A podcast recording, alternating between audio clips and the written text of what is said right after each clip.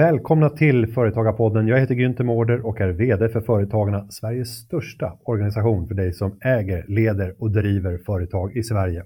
Idag ska vi få träffa tre unga företagare som alla är förebilder inom sin bransch och som har en ambition att skapa stor förändring. För några veckor sedan, i samband med galan Årets företagare i Sverige, delade vi på Företagarna ut ett pris som heter Årets unga idé. Syftet med priset är att uppmärksamma unga företagare med samhällsförbättrande företagsidéer. Tre stycken pristagare fick motta ett stipendium på 50 000 kronor vardera från Bengt Bengtssons SIVA-stiftelse. Idag ska vi få möta de tre vinnarna. Och först ut är Pernilla Westergren som grundat ett företag som heter Petgood med insikten att hundar och katter står för 25 procent av den globala köttkonsumtionen. Och nu vill ni skapa förändring. Pernilla, välkommen till Företagarpodden. Tack så jättemycket och tack för att jag får vara här. Men, men låt oss börja i de där 25 procent av köttkonsumtion. Kan det här verkligen stämma? Ja, det är, helt, det är verkligen helt galna siffror, men eh, ja, det stämmer. Och det är ju just för att hundar också till stor del, hundar och katter ska jag säga, till stor del, deras, eh, vad de behöver är till stor del liksom protein. Eh, och då resulterar det i de här eh, extremt höga siffrorna. Och som vi alla vet så är köttkonsumtionen en bidragande orsak till eh, växthusgasutsläpp bland annat. Eh, och vad var det ni har kommit på på Petgood? Precis. Eh, nej men det som vi gör då är att vi jobbar med insektsbaserad eh, hundmat. Eh, och insekter är ju en fantastisk proteinkälla, både för hunden men också för miljön. Om vi börjar då titta på miljöproblemet, precis som du är inne på, det här med att hundar och katter står för 25% av den globala köttkonsumtionen, vilket kanske lite enklare översatt betyder att en hund har lika stor klimatpåverkan som en bil. Det är verkligen ett jättestort problem. Så är just insekter en fantastiskt resurssnål proteinkälla. Eh, så det, är mycket mer, det kräver mycket mindre land, vatten och resulterar i mindre koldioxidutsläpp än andra då animaliska proteinkällor. Och sen det andra problemet som vi också då eh, jobbar mot, det är just det här hundarnas hälsa. Vi vill att hundägare ska känna sig trygga med vad man faktiskt ger sin hund, att transparensen ska vara total. Eh, och så är ju tyvärr inte fallet när man tittar på vanlig eh, hundmat idag. Utan där jobbar vi då med en av världens ledande insektsfarmar och sourcar all vår insektsprotein från dem. Eh, så, och det är just för att det ska vara så bra både för hunden och för eh, klimatet och miljön som möjligt. Och om du ska beskriva den hundmat ni har tagit fram för en lyssnare som inte kan se, vad är det vi ser om vi skulle titta på er, eh, er hundmat? Ja, men det är det som är så fint. Det, är liksom, det ser ut som vanlig hundmat. Eh, så det är inte att man, tror, man ska inte tro att man får hem liksom en påse, påse insekter, sådär, utan det är, det är torrfoder som vi jobbar med. Eh, och det är väldigt, det är väldigt fräscht. Jag vet, vi pratade om det senast också. Du har ju fått testa också Günther och jag har ja, ätit det själv också. och det, det är ungefär så liksom, ja, som bröd ungefär. Eh, så det, det är väldigt liksom fräscht och som sagt, eh, jag hade inte heller vågat äta det om jag inte vet, eh, visste att det bara var liksom naturliga och eh, bra ingredienser som vi använder oss av. Och vi kan väl beskriva det att vägen fram till vinsten i Stadshuset, där du blev en av de tre vinnarna i Årets Unga Idé, den föregicks ju först av en lista på 103 unga idéer i tidningen Företagaren. Av dem var det 10 stycken som valdes ut som fick pitcha för en jury. Och i samband med den pitchen så tar Pernilla fram den här hundmaten och eh, delar ut i juryn och säger eh, testa om ni vill. Och du åt, och då tänkte jag så här att om du äter insektsbaserad hundmat, då ska jag också göra det. Ja, exakt. Men jag hade nog aldrig sagt att jag skulle ha gjort det den morgonen när jag vaknade. Är det här nyttigt för oss människor att, att äta? Alltså så här, det är ju hundmat, eh, så det är klart att det är framtaget. Det? Nej, men det är framtaget för hundarnas hälsobehov. Mm. Eh, men som sagt, det innehåller ju ingenting som är, som är, det är bara naturliga ingredienser. Havre, det är eh, ja, olika superfoods och sen så då eh, till stor del insektsprotein. Så att det funkar absolut för människor att äta. eh, också. Men sen som man ser, så kan man ju ta den debatten, liksom insektsprotein för människor, så tror jag också att det finns en väldigt stor framtid inom det. Och det är också just för att insektsproteinet har ju, är ju väldigt högkvalitativt. Eh, alltså aminosyreprofilerna i då svartsoldatfluga är väldigt imponerande. Eh, så att det är ju en högkvalitativ proteinkälla. Tyvärr så är det ju så att liksom, speciellt vi svenskar kanske inte är så vana vid det här med insekter. Och det gör att man ofta har lite så här, en jackfaktor kring det och kanske inte riktigt är så ja, oftast inte så taggad på att smaka. Men om man kan komma över den liksom, mentala spärren så, så är det jätte, jätte, jättebra. Men därför också är det ju en bra start att börja med, med hundarna helt enkelt. Men om vi ser till ert företagande, vad hoppas du kunna åstadkomma med hjälp av eh, er nya hundmat? Ja, men vi vill förändra hundmats, eh, hundmatsbranschen, eller liksom, ja, djurmatsbranschen egentligen. Eh, och det är just för att vi ser att den har en, alltså det finns extremt mycket som vi kan förbättra här. Både just när det kommer till miljön och också hälsoperspektivet för hunden.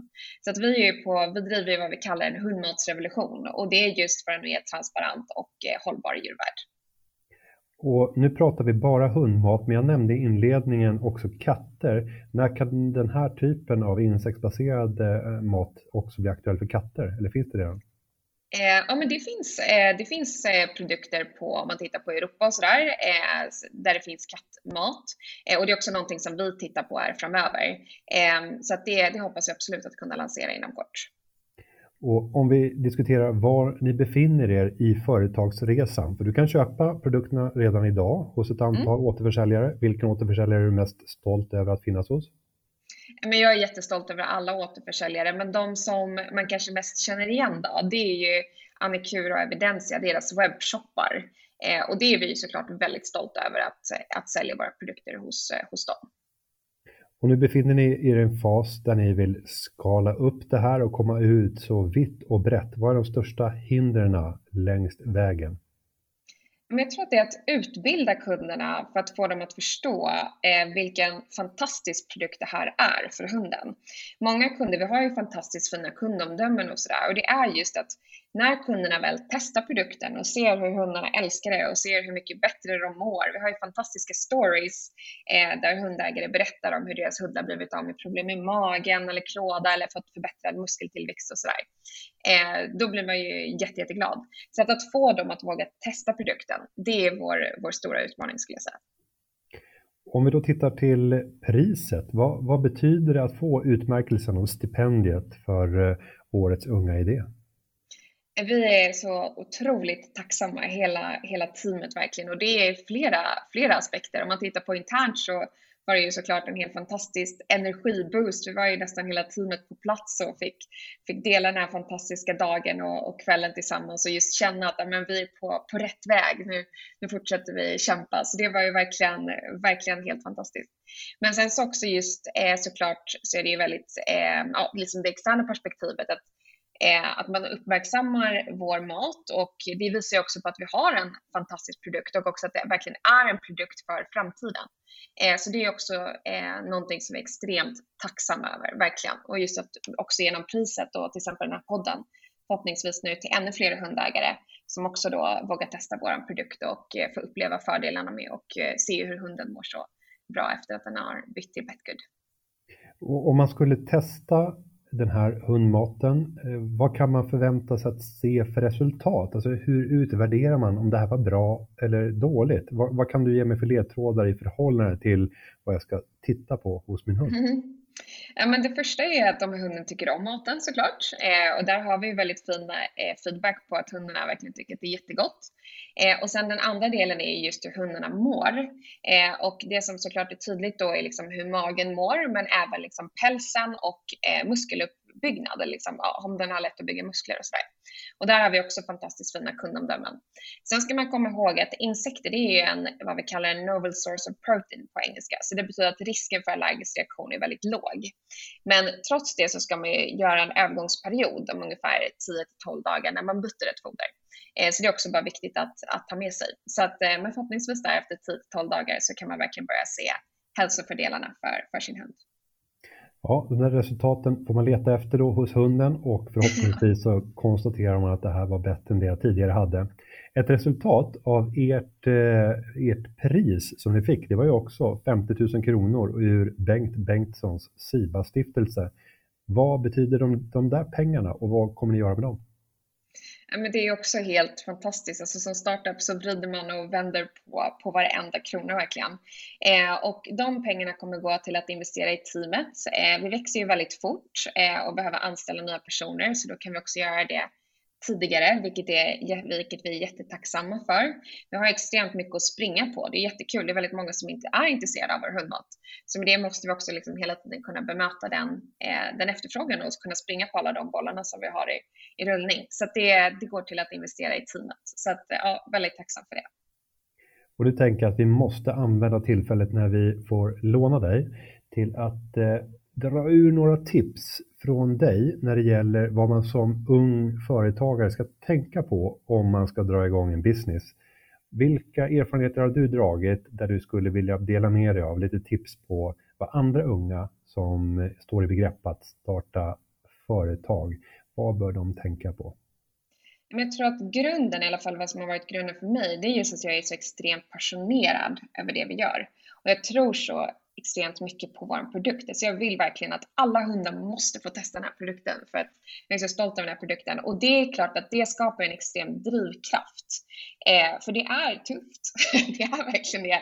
Och man jobbar liksom dag och natt och, och sliter sitt hår ibland. Men det är också så himla roligt. Och det är just att man då orkar fortsätta kämpa eh, för att man verkligen tror så mycket på, på idén. Eh, och det andra är just att omge sig av fantastiska personer eh, som också är bra på det du inte är bra på. Alltså, anställ och liksom omge dig av personer som är bättre än, än du själv så, så, kommer det bli, ja, så kan man ju skapa, skapa magi tillsammans. Eh, och det är också någonting som jag verkligen skulle vilja liksom understryka och också just det här att var inte så rädd att dela med dig av och berätta om din idé.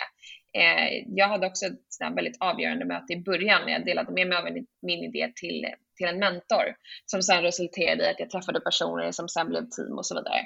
Eh, så våga ta input från andra som också har gjort liknande resor och, eh, och dela med sig. Ett misstag som jag tror många gör är att hålla kanske lite tight på sin idé, utan våga prata och få input.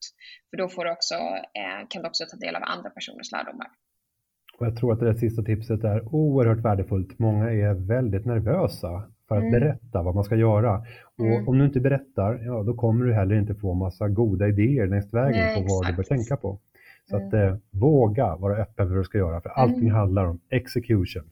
Vad mm. du gör, alltså det utförandet, det är den kraften som kommer att avgöra om du lyckas. Exakt. Och du strålar av energi tillsammans med ditt team, så det gör att jag är fylld av övertygelse om att ni kommer kunna gå riktigt långt.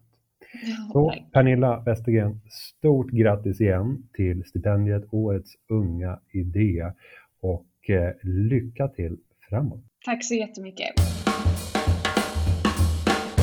Efter det mötet med Pernilla ska vi ta oss vidare till Borlänge. Där har vi Faisa Abdi som driver QC Renewable Energy AB och hon var den andra av tre prisvinnare i årets Unga Idé. Det här företaget har sett till att svensk teknik når Östafrika. Företaget som hon leder har rott i land ett miljonkontrakt på gatubelysning i en av Östafrikas största hamnstäder där totalt 900 solcellsdrivna gatlyktor nu installeras. Fajsa, varmt välkommen till Företagarpodden. Tack så mycket. Och nu måste vi få höra dig berätta, vad är det QC Renewable Energy gör för någonting? Ja, det, det vi gör är att vi köper in eh, eh, och transporterar och installerar hållbara energilösningar till Östafrika. Vi utbildar eh, kunderna i underhåll av tekniken för att säkerställa maximal kvalitet och hållbarhet. Så eh, vi ser även till att ta hand om eh, elektroniskt avfall som eh, det, det, är ju bra när tekniken fungerar, men vad händer när tekniken inte fungerar? Vi får inte heller förstöra det vi säger att, eh, att vi måste tänka hela processen, hela eh, eh processkedjan, inte bara när, när saker ska fungera. Så det, det vår affärsidé bygger på egentligen att leverera förnybara energilösningar som ökar livskvaliteten, hälsan och skapar all, ar, arbetstillfällen. Och det vi gör nu är ju att vi har ju eh, eh, lokala partnerskap som vi samarbetar. Så vi inkluderar inte bara att vi gör själva utan det, det här gör vi som partner med andra som finns i lokalt, som har lokala kännedomar och som, fin, som, är, som är placerat på lokalt helt enkelt. Och om vi tittar till vilka problem det är som ni vill lösa, för det mm. känns som att det är flera problem i ett. Men om du ska försöka strukturera mm. upp det och berätta om vilka problem är det ni löser genom QC Renewable Energy? Det vi vet är, om jag eh, börjar lite svetsig i, i världen hur det ser ut om eltillgången så vet vi att nästan en miljard människor i världen har inte fortfarande tillgång till el. Och av dessa så bor 80 procent av dem i Sub-Sahara Afrika. Och i de länderna där vi jobbar, ett exempel är i Somalia, så det är nästan 84 procent av befolkningen har inte tillgång till el. Och det vi vet är att utan el, ingen belysning, ingen belysning, ingen trygghet. Och det är det, är det som trygghet, alltså det är bara två saker, två aspekter som vi löser. Det är eh, vad heter, klimatpåverkan och klimataspekten, men vi löser också eh, sociala aspekten som jag själv personligen tycker är väldigt viktig. Alltså att, att skapa trygghet framför kvinnor och eh, för, eh, för flickor trygghet. Så det är det. Och, och, också när det kommer till barn, att barn får läsa sina läxor, till exempel när solen går ner, att föräldrar kan tillaga sin mat och eh, eller eh, och, och, och, gå ut på kvällen. Alltså det är inte självklart. Det är inte självklart det vi har självklart här, inte självklart där. Och det är därför jag brinner för det här och jag vill verkligen vara med. Och eh, jag, det är inte bara jag själv som kan göra det. Det behövs flera företag för att vi ska kunna hjälpas åt i det här problemet. Men jag är jätteglad att jag kan vara med och, och påverka det lilla jag kan. Och om vi talar utifrån ett kundperspektiv, vem är mm. det som är kund och köper de här lösningarna med de solcellsdrivna gatubelysningarna? Vem, mm. vem är det som, som betalar? Det är, det är, det är kommunerna som betalar. Kommunerna som vet eh, att de här problemen finns och det är kommunen eh, tillsammans med eh, internationella eh, heter, organisationer såsom FN som vill också förbättra de här eh, eh, typ eh, av problem och vet att kvinnor och barn är de som är mest utsatta. Det är de som betalar. Och om vi ser till den här utrustningen som behövs så är det både solceller, det är själva gatubelysningen. Mm. Man kan tänka sig i länder och platser där det här hör till eh, ovanligheten att det blir mm. stöldbegärligt och att det är många mm. som gärna skulle vilja stjäla den här utrustningen. Hur, hur säkerställer man att eh, alla saker får sitta kvar? Eh, självklart det här eh, gatubelysningssystemet så är innan, eh, innan man installerar de platserna så inkluderar man också de boendet. Boende får, får information om, om just det här, varför man gör det, med deras egna språk. Det finns ingen alltså typ eh, andra hand utan de får information. Och när, vi, när jag var där och besökte, alltså jag, de är där och, och själv så här tycker det här är väldigt viktigt att vi har. Innan det här belysningen, vi kunde det var två kvinnor som berättade att vi kunde inte gå till eh, när solen går ner. Vi kunde inte röra oss. Om till exempel om vi var på stan på kvällen eh, när solen går ner så brukar vi sova över. För de, det här för dem är så viktigt så de be, eh, bevarar och bevakar eh, verkligen. Så det är, och gatubelysningssystem är inte ett system som ligger på marken. Det är ju typ, eh, eh, det, det går att eh, ser se om någon försöker stjäla eller någon försöker göra saker och ting. Man behöver verkligen få ner hela stoppen och, och i en sån kraftfull eh, ingrepp så folk vaknar så helt enkelt. Så de, eh, det, är, det är befolkningen som bor där som, beva som bevakar, som vill inte att det ska försvinna. Och då tänker man ju sen tanken, hur kan ni se till att sprida det här och sprida ljuset som kommer med alla de här ljuskällorna på så många platser som möjligt? Mm. Vad är den mm. största utmaningen för er framåt för att kunna växa? det är ju investeringsutmaning som vi har haft i, från början eh, och det börjar lösa sig en del men det behövs mer investering och det är det som jag tycker det har varit största eh, utmaningen för mig, för folk när de hör Östafrika, det ligger väldigt långt och man, eh, man känner sig väldigt så här, man känner inte till, man känner sig, ja men de är man har en annan bild om Afrika i hel, helhet, tänker jag, härifrån. Man tänker det är fattig, eh, barn som svälter och så vidare. Självklart gapet mellan, mellan rika och eh, fattiga är väldigt stort. Men det vi gör, eh, eh, våra kunder är bara kommunala, men det är privata personer som har samma typ av livsstandard som vi har i Sverige, som, som, har, som är väldigt rika och, och så vidare. Så det finns också potential i, i den, i den eh, målgruppen också så har vi, har vi eh, två kunder som vi, vi, vi håller på just nu att installera deras hem. Så det är ganska stor investering men, men det är det är, eh, det, det, men det är hållbart i längden och det är det som vi försök, försöker förklara för kunden.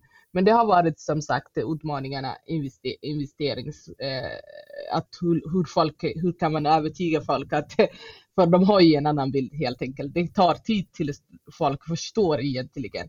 Speciellt när man måste åka dit för att förstå i verkligheten. Men, eller har kanske en nära vän som, som vet hur verkligheten är. Eh, och så vidare. Och om vi går till dig Fajsa, mm. som person och bakgrunden till att du blev entreprenör.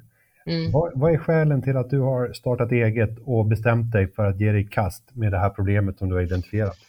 Ja, det är så här är det. Jag själv född i, i, i Mogadishu, eh, södra Somalia, eh, i, ja, i början av kriget då, inbördeskriget. Och eh, jag har sett hel del hur, eh, eh, eh, även om jag inte kommer ihåg själv så här i detaljmässigt, jag var ganska liten, så kommer jag ihåg att vi inte hade tillgång till el själva.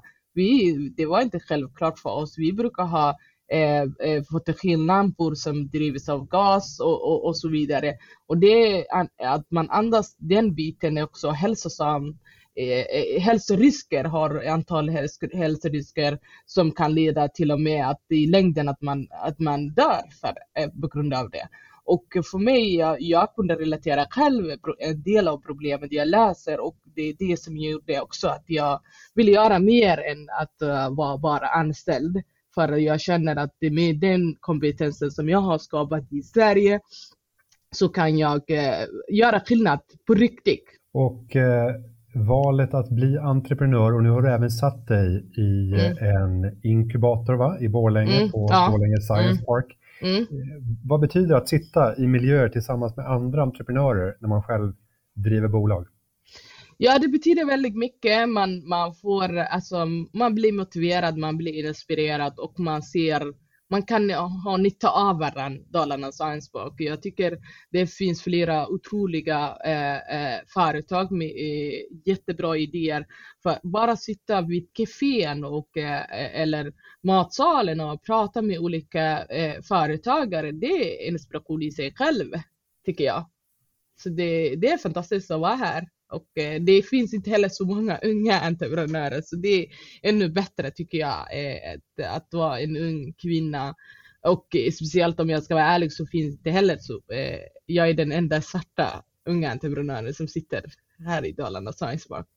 Så det, det känns som, för mig det är väldigt viktigt att, så att underlätta också som förebild i, i nästa generation, att de kan se sig att de kan vara en sån plattform där jag är. Ja, men du är en, en, förebild, en förebild i ditt företagande mm. och jag mm. skulle vilja att du får skicka med en hälsning Även om jag vet att det inte är jättemånga utrikesfödda yngre kvinnor som mm. lyssnar på podden. Mm. Eh, men om det var jättemånga som lyssnade på den här podden, vad skulle mm. vara ditt medskick till alla dessa unga kvinnor när det kommer till mm. företagande?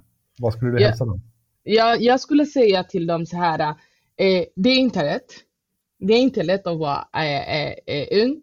Det är inte lätt att vara en kvinna. Äh, i, alltså jag tänker allmänt i de samhällena som vi driver och, och som vi befinner oss, även om det är lättare än förut. Men det går. Med, med att du har mål är det viktigaste, du har dröm är det viktigaste. Allt annat löser sig om du vet vad du vill göra. Så det är, jag tycker du ska inte tvivla som person.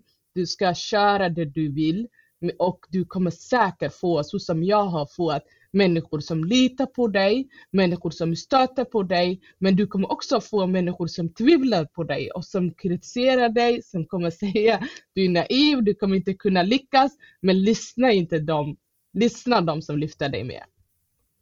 Ja, jag tycker det är väldigt bra sammanfattande tips. Det jag hör från dig, det är det här modet som behövs och mm. att våga lita på sig själv. Mm. Jättebra sammanfattande mm. tips, Faiza. Mm. Och eh, stort lycka till i mm. byggandet av QC Renewable Energy. Tack Faiza för att du deltog. Tack så mycket. Tack.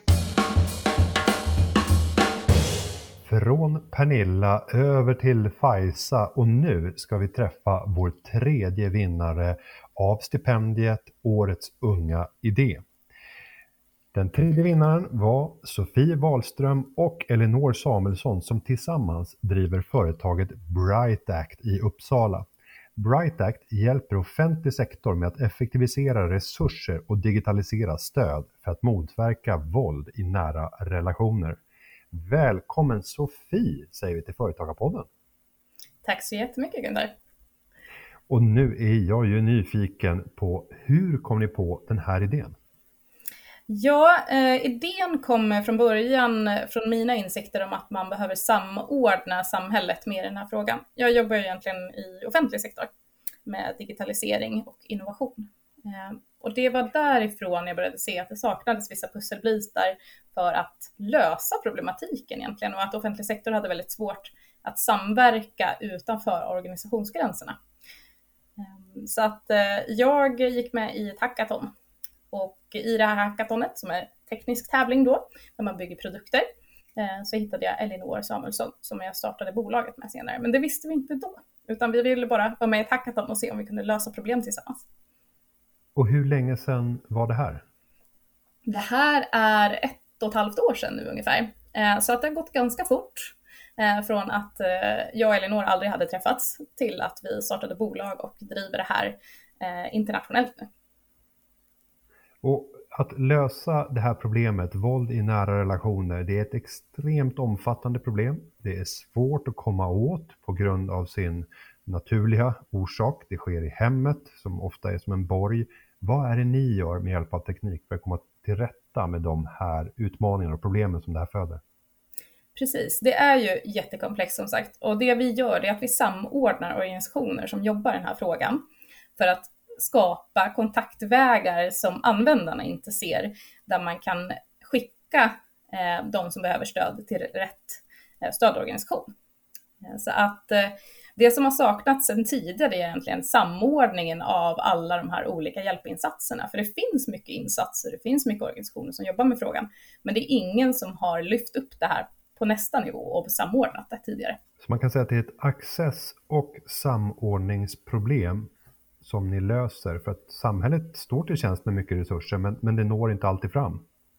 Nej, precis. Och det var det vi upptäckte. När vi började titta på den här frågan lite mer i detalj så upptäckte vi att det var många som inte visste om stödet som fanns. Och det känns ju som rent resurslöseri eh, när vi lägger ganska mycket skattepengar på att lösa den här frågan och de som behöver hjälpen inte ens hittar den. Och, och ni gör då följaktligen affärer med, är det kommuner primärt som är köparna? Eh, det är egentligen alla grenar av offentlig sektor som överlappar den här frågan. Så det är både kommuner, det är länsstyrelser, eh, det kan vara polis och så vidare. Så att det handlar egentligen om att alla de ska samordnas, eh, hitta processer som fungerar, de ska jobba med verksamhetsutveckling och innovation och de ska hänge sig till att utveckla sina processer i den här frågan för att öka stödet utåt. Så att kunderna är egentligen vi verksamhetsutvecklar hos dem eh, och hjälper dem att fixa processerna eh, så att det funkar för invånaren. Och om man tänker att sälja mot så många olika aktörer, ja, jag blir nästan eh, gråhårig när jag tänker på säljprocesserna. Hur går det till i verkligheten att klara av att sälja in de här lösningarna som ni sitter med? Mm, det är det som är så fantastiskt. Vi ägnar oss faktiskt inte så mycket åt sälj. Jag har jobbat som säljare tidigare wow. av IT-lösningar, men hit kommer kunderna själva. På vilket sätt? Beskriv. Nej, de hittar oss. Eh, de hittar oss eh, via föreläsningar vi gör, de hittar oss på nätet, ryktesvägen. De ser oss kanske i media. De hör talas om oss genom andra organisationer. Och så spridningen sker dynamiskt, så att det är inte så mycket säljarbete, utan det handlar mer om att koppla ihop rätt personer med varandra och jobba med innovation. Och sen berättar de för varandra att de har gjort det här eh, och det är så det sprids. Och om vi pratar om problemet som ni vill komma till rätta med, våld i nära relationer, så målades det upp som ett stort potentiellt hot när vi gick in i pandemin. Vad har vi sett för effekter och på vilket sätt har det här påverkat behovet av er tjänst? Alltså det här var ju en av de största pucklarna. När vi gick in i det här hackatonet så kom ju pandemin ungefär samtidigt. Det hade varit två månader innan hade den påbörjats och spridits. Och då såg vi att det här verktyget det kan ju avhjälpa den problematiken som man började upptäcka då. Att det är svårt att nå ut, att vi kanske tappar kontaktvägar, det går inte att gå på fysiska möten längre. Hur når man de individerna som kanske inte får lämna sitt hem? Eh, och då, i och med det här digitala verktyget så fixar ju vi det. Och effekterna av pandemin har ju, det man kan mäta det är att det har ökat. Men vi vet inte riktigt effekten av det ännu eftersom många av dem som har varit utsatta under pandemin kanske inte har sökt hjälp. Så att det kommer komma som en eftereffekt av pandemin där våldet kommer öka. Eh, men sen är det också, måste man också titta på att att vi tillgängliggör hjälpsökandet kommer också göra att det ökar under en period. För att då kommer fler få stöd. Eh, så att det, är lite, det är två olika parametrar på de för den statistiken där. Man kan tala om att precis som att det finns en vårdskuld så finns det också en skuld att ta igen inom det här hemska området. Absolut, definitivt. Och det är ju många som som sagt, de kanske inte vet att det finns hjälp där de bor eller inte vet vart de ska vända sig. Eller de kanske misstror myndigheter och socialtjänst. Och om man då får reda på hur de jobbar och vad de kan hjälpa till med och hur stödet ser ut så kanske man vågar vända sig dit på ett helt annat sätt än vad man gjort innan. Och vi kommer ju också kunna mäta hur tryggt det är. Är man nöjd med stödet man får? Och det kommer ju göra att rösterna kommer ju höras från de hjälpsökande om vad som behöver förändras i samhället för att stödet ska utvecklas också utifrån de här organisationerna. Och om vi då tar appen som användaren eh, ska antingen söka kontakt med de, den, den olika typen av hjälp som finns. Vad är det som möter mig rent användarupplevelsemässigt i appen? Ja, precis. Det är en guidad resa. Eh, vårt mål är att du inte ska behöva tänka själv. Du ska be inte behöva veta någonting om den här frågan utan vi ska ta med dig dit du behöver vara. Eh, och det är baserat på vart du bor, vilket stöd som finns eh, och vilket behov du har av stöd och vem du är som person. Eh, för att olika organisationer hjälper med olika saker. Eh, och då hjälper vi dig egentligen att lotsa dig fram till rätt organisation som kan hjälpa dig med ditt behov just nu. Ehm, men ehm, den eh, första webbapplikationen nu som vi släpper, eh, den blir publik i december förmodligen om allt går som det ska med alla utvecklare och allt tekniskt. Ehm, så att då kommer den här bli publik, så då kommer man kunna gå in och testa själv. Och vi samlar hela tiden feedback från användare, så att uh, hela tiden i den här processen så kommer man kunna säga sitt och tycka till. Om tyckte man att det var bra stöd, behöver utvecklas, tycker inte jag alls att det här hjälpte mig, för att vi jobbar helt användardrivet. Och vilka reaktioner har ni fått från de som har testat tjänsten hittills? Det, är, eh, det beror på vilket håll vi kommer ifrån. Eh, från användare som söker hjälp, eh, de flesta säger att om det här hade funnits när jag var utsatt så hade inte jag varit utsatt så länge, utan då hade jag hittat stöd snabbare och jag hade kunnat komma ut ur den här relationen snabbare med rätt stöd. Eh, och eftersom vi har testat då med de som har kommit ut från våld, för vi vill inte testa nu med de som faktiskt är våldsutsatta, för det är en del av ett trauma. Så vi har testat med de som har kommit ifrån våldet. Men och offentlig sektor är överlyckliga över att vi samordnar det här. För att de har svårt att göra det. För dels rör det sig om ekonomiska frågor, men också om sekretessgränser och att de inte kan jobba på det här sättet, utan det måste vara ett annat bolag som går in utifrån och hjälper dem med det här. Om vi vidare tittar på bolaget som ni driver, Bright Act, så har ni valt att jobba med lite annorlunda företagsform som inte alla känner till. Vill du berätta mer? Mm, precis, vi har ju valt att starta ett vinstbegränsat bolag.